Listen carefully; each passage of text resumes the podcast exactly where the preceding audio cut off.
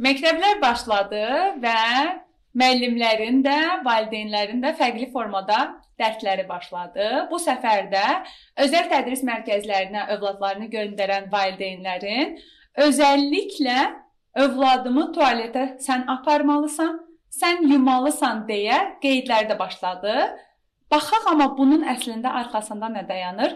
Düşünürəm ki, hər birimiz üçün yetər qədər maraqlı və aktual mövzudur. Odur ki, qonağımı sizə təqdim edirəm. Şəhla xanım, xoş gəlmisiniz Şəhla xanım. Xoş Özünüz haqqınızda biraz məlumat verərdiniz bizə. Xoş gördük. Mən Şəhla Zeynallı, e, uşaq psixoloquyam, e, bir övlad sahibiyəm. Ümumiyyətlə tualet təlimi nədir? Tualet təlimi anlayışı dedikdə belə mövzunun başında belə təlim sözü var deyə insanı, özəlliklə ananı bu çox narahat edən bir şeydir. Biraz burdan başlayaq. Tualet təlimi uşağın artıq sərbəst olaraq tualet vərdişlərini yerinə yetirməsidir. Amma niyə sərbəst olaraq deyirəm? Çünki o uşaq özü bilməlidir ki, hiss eləməlidir ki, hə onun tualetə gəlir, gedir, soyunur və işini görür Bundan sonra da bitirir, yəni özünü də təmizləyir. Bunu tam olaraq eləyirsə uşaq, artıq bitib tualetə, belə deyək. Bizdə sadəcə belə bir yanaşma var hərdən ki, məsələn, uşağı ana özü soyundurur, özü otuzdurur, hər proses hamısı özü eləyir. Sadəcə uşaq belə deyək də işini görür. Hə, yəni ki, şö, biz uje tualeti öyrənmişik.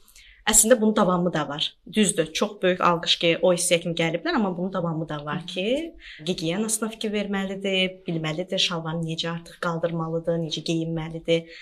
Əslində hamısı bir-biri ilə bağlı prosesdir. Amma belə baxsaq ki, e, tualet təlimi tam olaraq hardan başlayır? Birinci uşaq doğulandan oral mərhələdir, gəlir və burada əsas fokus verilir ağza, uşaq ağzından qidalanır. Amma ikinci mərhələ gəlir anal mərhələyə və bu 1 yaş yarımla 3 yaş arasındadır. Yəni bu dövr əslində içində uşaq öyrənsə yaxşıdır. Sözsüz ki, fərqli ola bilər, 6 ay gecikə bilər, 6 ay tez öyrənə bilər. Müqayisə etmək lazım deyil uşaqları. Çünki individual yanaşmalıyıq. Amma individuallıq da bu demək deyil ki, 5 yaşına kimi çəkməlidir. Artıq 5 yaşına kimi çəkirsə bu problemdir və mütəxəssisə müraciət etmək lazımdır. Amma 1 yaş yarımında anal dövrdür.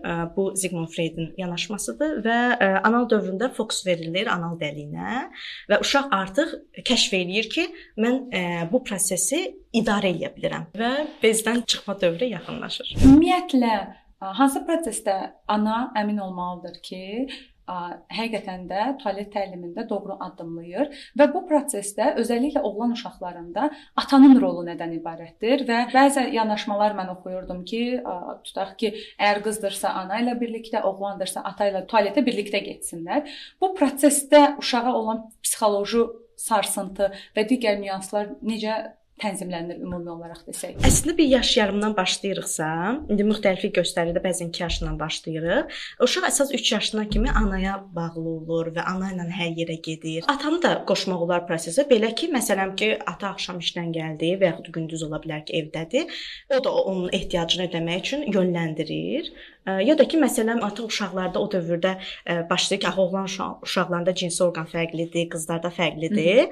Hı. Onda ata ilə müqayisə etmək olar. Bir psixoloqdan eşitmişdim ki, uşağa prosesi öz nümunəndə göstərmək lazımdır, amma sözsüz ki, uşağa göstərmək lazımdır ki, necə gedirəm, oturam. Sadəcə nümunəvi olaraq ki, bax ata bu cür eləyir. Çünki oğlanlarda bəzən fərqliyi də göstərir e, eləmək prosesi. Oğlan uşaqlarını həbləs ataya yönəltmək olar. Çünki həm də niyə məncə ataya yönəltmək lazımdır ki, sonrakı dövrlərdə də artıq gəlib genital mental fazaya çatanda da uşaq suallarını gedib ataya verə bilsin. Çünki Hı -hı. anada bu orqan yoxdur və ana bilmir ki, bu proses necə olur. Bunu sözsüz ki, ata daha yaxşı bilər. Ana yaxşı olar ki, məsələn, ataya istiqamətləndirsin ki, gedib atadan soruşa, Hı -hı. ya atadan soruş, ata ya da ata özü soruşsun ki, nəsə izah eləmək lazımdırmı, izah eləsin. Mənə ən çox məsləhət olunan şey məhz güvəcin ən belə deyək də rəngarəng olanını seçmək idi. Amma ə, mən ən sadəsini seçdim. Belə deyək də, sadə harda 5 manatlıq var idi, onu aldım ki, mənim düşüncəmə görə ə, bu onda oyuncağa çevrilməməli idi. Ümumi olaraq güvəc periodunda valideynlər necə bir güvəc seçim eləməlidir? Uşaqdan uşağa fərqli göstərir. Elə uşaq var ki, çox da fikir vermir bunun oyuncaq formasında olduğunu Hı -hı. və tamamilə prosesə fokuslanır da, Hı -hı. tamamilə mərkəzləşir prosesə. Amma bəzi uşaqlarda başlayırlar oyuncaqla o, o yandakı bilirəm fırlanan bir şeylər eynən, olur. Eynən. Gedir onlarla oynayır və yaxud oturur qıraqda, başlayır onlarla oynamağa. Proses yaddan çıxdı, hara getdi, nə oldu? Belə şeylər olur deyənə Aha. Əsasən ə, məsləhət görürlər ki, hə, sadə güvəc olsun. Həm də niyə? Uşaq başa düşsün ki, bu onun tələbatıdır. Bu qeyri-adi bir şey deyil. Yəni bu bir hobbi deyil, bu bir bu gün var, sabah yoxdur deyil. Tələbatdır. Yəni necə yemək yeyirik, acıq yemək yeyirik, sən tualetə ehtiyacın gələndə tualetə getməlisən. Ona görə də məsələn adətən mükafatlandırmanı da bu hissədə biraz ləğv eləyirlər ki, ə, ki, tamam, ilk də dəfələrdə alqışlamaq lazımdır. Bir ə, belə atya da qeyd demək lazımdır ki, biz artıq öyrəndik, evdə kim varsa da çox abartmadan. Ə, niyə abartmadan? Çünki dediyim, yəni bu bir tələbatdır. Başa düşməli, bunu zaten sən eləməlisən, bunu öyrənməlisən. Bunu hamı eləyir. Bunu Hı -hı. öyrənməliyik bir müəyyən bir yaşdan sonra. Yəni sadə olsa daha yaxşı olar. İrəliyən yaşlarda da böyüklər üçün tualet üçün də oturma Hı -hı xüsusi. Hə, olur, pilləkənləri olur. Yəni də uşaqdan uşağa fərqli. Elə uşaq var ki, tez istəyir e, böyüklər üçün olanda otursun, eləsi var ki, yox. 3 yaş yarıma qədər uşaq bezdən çıxmağı öyrəndi.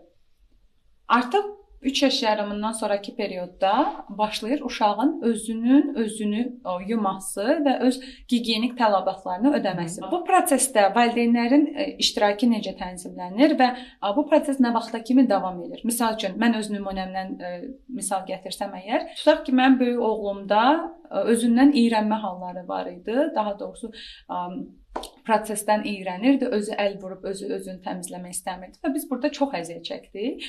Ona izah eləyənə qədər ki, bu normaldır, iyrənməyin, iyrəndən sonra əlləri yuya bilərsən, təmizlənir və s. Bu istiqamətdə bəlkə başqa bir fərqli yanaşma var və yaxud da ki, 3 yaş yarımından sonra uşağın özünü yumasını necə öyrətmək lazımdır? Ətraf ən çox da anaların belə deyək də dərdi olan ətrafın dağılması məsələsi. Əslində bir dənə onu yığışdırsaq ki, e, məsələn də onsuz da uşaq başlayır öyrənməyə. Öyrənəndə də ev, ailəm batır, yəni istərsəməz. Məsələn, xalçalarımızı yığışdırmaq lazım olur ki, uşaq rahat olsun. Niyə adətən yay dönəmi seçirlər ki, e, tez qurusun paltarlar, yəni dəyişmək Hı -hı. lazımdır. Həmçində bu prosesdə də birinci mənə elə gəlir ki, tualet elə bir yerdir ki, onu tez anlıq necə deyim də su ilə təmizləmək daha rahatdır da, daha tez başa gəlir. Ona görə də birinci bəlkə salfetkadan istifadə eləyə bilərlər Hı -hı. Ə, ki, yəni su ilə yuyunma necə deyim də uşaq üçün bəlkə çətin ola bilər. Şlanqların indi basılması bəzən bərk olur, çox uyğun olmur. Dolçadan istifadə eləmək olar, balaca kiçik onun ölçüsünə uyğun suyu az tökmək olar ki, götürə bilsin, qaldıra bilsin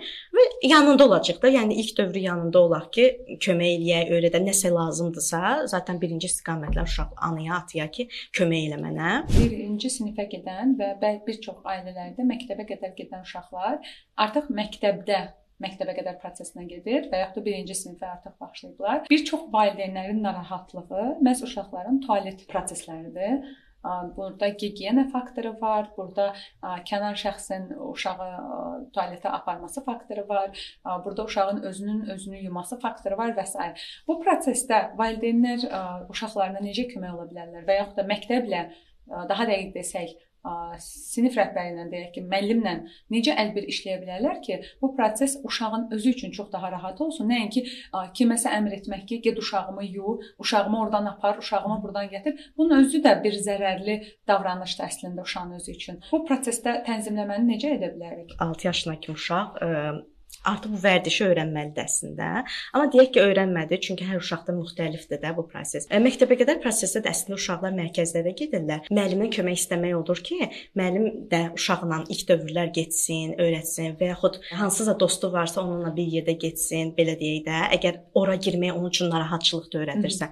Amma mənə elə gəlir ki, e, artıq məktəb dövrüdür. Uşaq istəmir tualetə getmək e, və bu uşaqlarda bəzən qəbizlik də yaradır da, uşaq saxlayır evə kimi gəlir. Belə bir şey məncə eləmək olar ki, oyun prosesinə istifadə eləmək olar. Fərqi yoxdur nə oyuncaqdan istifadə edir. Bu adam da ola bilər, heyvanlar da ola bilər, maşınlar da ola bilər. E, ki baxmaq ki, əslində onun altında nə yatır? Yəni əslində nədən narahatdır? E, burada narahat olduğu məsələn gigiyena söhbətidirmi? Bəlkə natəmizliyi var tualetdə.